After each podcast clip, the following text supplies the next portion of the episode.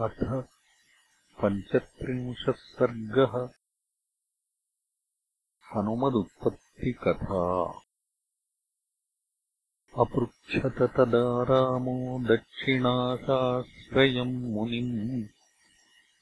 प्राञ्जलिर्विनयोपेत इदमाहवतोऽर्थवत् अतुलम् बलमेतद्वैवालिनो रावणस्य च न त्वेताभ्याम् हनुमता समन्त्रितिमतिर्मम शौर्यम् दाक्ष्यम् बलम् धैर्यम् प्राज्ञतानयसाधनम् विक्रमश्च प्रभावश्च हनूमतिकृतालयाः। दृष्ट्वैव सागरम् वीक्ष्य सीदन्तीम् कपिवाहिनीम् समाश्वास्य महाबाहुः योजनानाम् शतम् प्लुतः?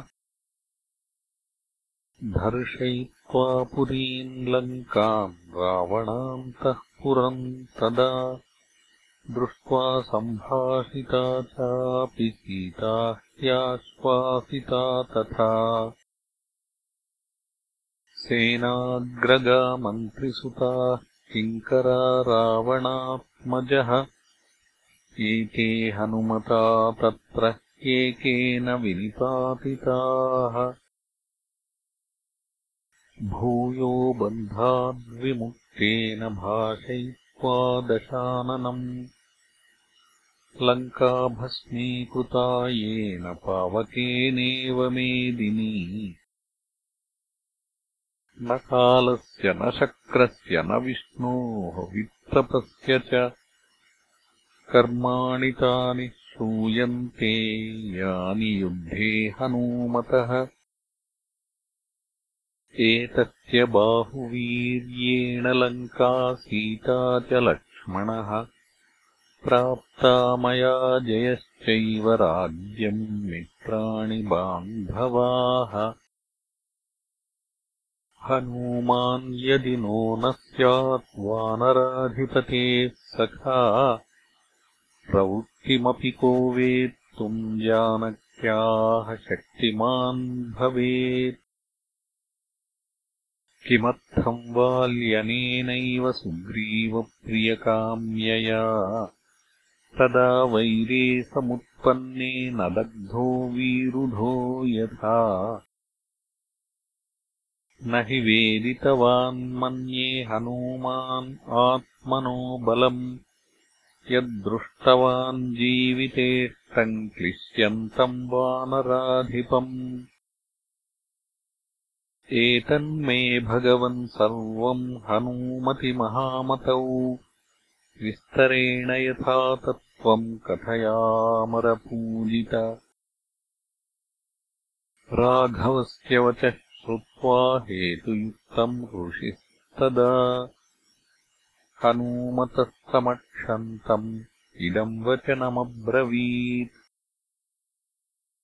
सत्यमेतद्रघुश्रेष्ठयद्ब्रवीषि हनूमतः। न बले विद्यते तुल्यो न गतौ न मतौ परः। अमोघशापैः शापस्तु दत्तोऽस्य ऋषिभिः पुरा। न वेत्ता हि बलम् येन बली सन्नरिमर्दनः। बाल्येऽप्येतेन यत्कर्म कृतम् राममहाबल तन्न वर्णयितुम् शक्यम् इति बाल्यतयास्यते यदि वास्ति ह्यभिप्रायः तच्छ्रोतुम् तव राघव समाधाय मतिम् रामनिशामय वदाम्यहम् सूर्यदत्तवरस्वर्णः सुमेरुर्नाम पर्वतः यत्र राज्यम् प्रशास्त्यस्य केसरी नाम वै पिता तस्य भार्या बभूवैषा ह्यञ्जनेति परिश्रुता जनयामास तस्याम् वै वायुरात्मजमुत्तमम् शालिशूकनिभाभासम्प्रासूतामुन्तदाञ्जना फलान्याहत्तु कामा वै निष्क्रान्ता गहनेचरा एष मातुर्वियोगाच्चक्षुधया च भृशार्दितः रुरोदशिशुरत्यर्थम् शिशुः शरवणे यथा। तदोद्यन्तम् विवस्वन्तम् जपापुष्पोत्करोपमम्। ददर्शफललोभाच्च ह्युत्पपातरविम् प्रति। बालार्काभिमुखो बालो बालार्कैव मूर्तिमान् ग्रहीतु कामो बालार्कम् प्लवतेऽम्बरमध्यगः। एतस्मिन् प्लवमाने तु शिशुभावे हनूमति। देवदानवयक्षाणाम् विस्मयः सुमहान् अभूत्। नाप्येवम् वेगवान् वायुः गरुडो वामनस्तथा यथायम् वायुपुत्रस्तु क्रमतेऽम्बरमुत्तमम्। यदि तावच्छिशोरस्य त्वीदृशो गतिविक्रमः यौवनम् बलमासाद्य कथम् वेगो भविष्यति? तम् अनुप्लवते वायुः प्लवन्तम् पुत्रमात्मनः सूर्यदाहभयाद्रक्षन् तुषारचयशीतलः बहुयोजनसाहस्रम् क्रमत्येष गतोऽम्बरम् पितुर्बलाच्च बाल्याच्च भास्कराभ्यासमागतः। शिशुरेष त्वदोषज्ञ इति मत्वा दिनेश्वरः कार्यम् चात्र समायत्तम् इत्येवम् न ददाह सः यमेव दिवसम् येष ग्रहीतुम् भास्करम् प्लुतः। तमेव दिवसम् राहुः जिघृक्षति दिवाकरम्। अनेन स परामृष्टो रामसूर्यरथोपरि अपक्रान्तस्ततस्त्रस्तो राहुश्चन्द्रार्कमर्दनः स इन्द्रभवनम् गत्वा सरोषसिंहिकासुतः अब्रवीद्भ्रुकुटिम् कृत्वा देवम् देवगणैर्वृतम्। बुभुक्षापनयम् दत्त्वा चन्द्रार्कौ मम वासव किमिदम् तत्त्वया दत्तम् अन्यस्य बलवृत्रहम् अद्याहम् पर्वकाले तु जिघृक्षुः सूर्यमागतः।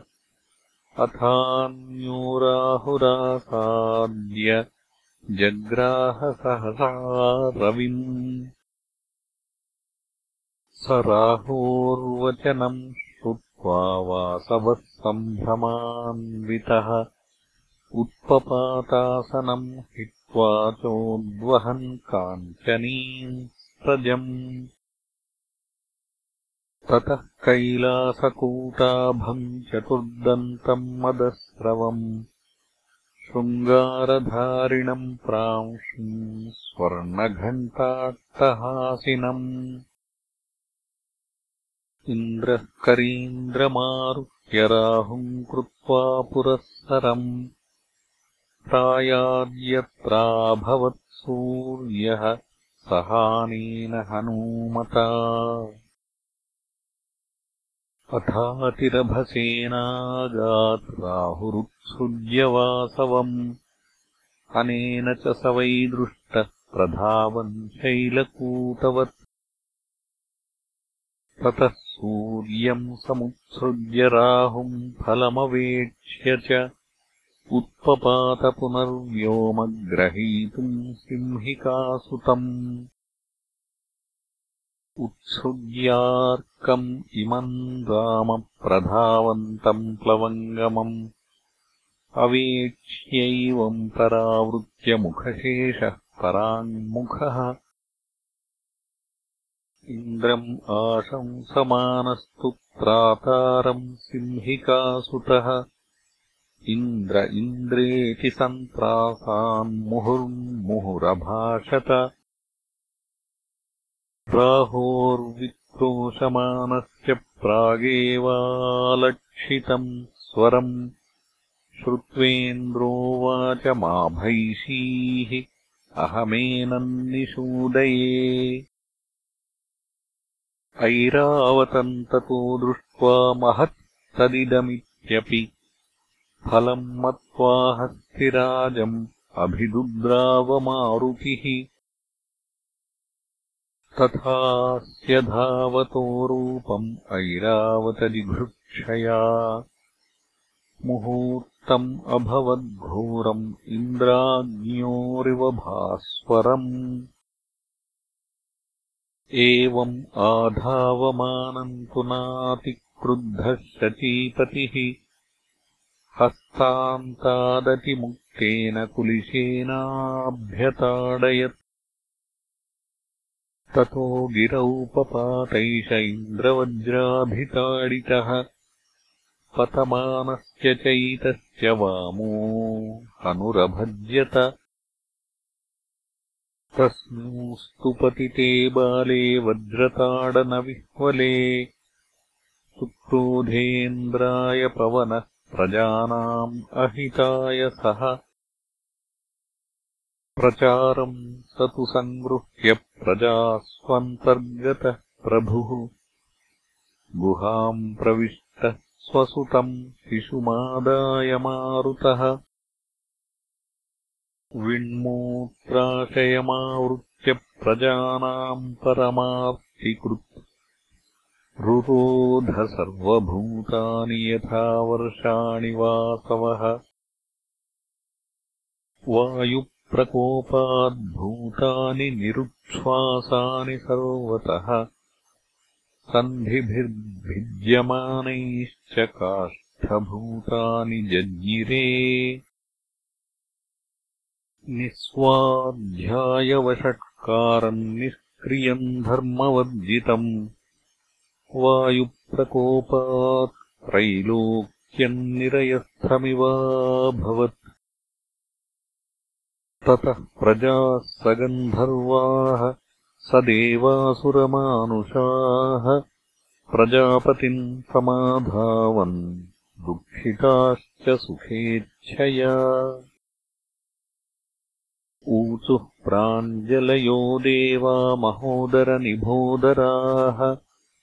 त्वया तु भगवन् सृष्टाः प्रजानाथ चतुर्विधाः। त्वया दत्तोऽयमस्माकम् आयुषः पवनः पतिः। सोऽस्मान् प्राणेश्वरो भूत्वा कस्मादेशोऽद्य सत्तम रुरोधदुःखम् जनयन्नन्तः पुरैव प्रियः। तस्मात् त्वाम् शरणम् प्राप्ता वायुनोपहता वयम्। वायुसंरोधजम् दुःखम् इदम् नोऽनुदुःखहन् एतत्प्रजानाम् श्रुत्वा तु प्रजानाथः प्रजापतिः कारणादिति चोक्त्वासौ प्रजाः पुनरभाषत। यस्मिंश्च कारणे वायुः चुक्रोध च। रुरोध च प्रजाः शृणुध्वम् तत्सर्वम् श्रोतव्यम् चात्मनः क्षमम् पुत्रस्तस्यामरेशेन इन्द्रेणाद्यनिपातितः। राहोर्वचनमास्थाय ततः स कुपितोऽनिलः अशरीरः शरीरेषु वायुश्चरति पालयन्। शरीरम् हि विना वायुम् समताम् याति दारुभिः।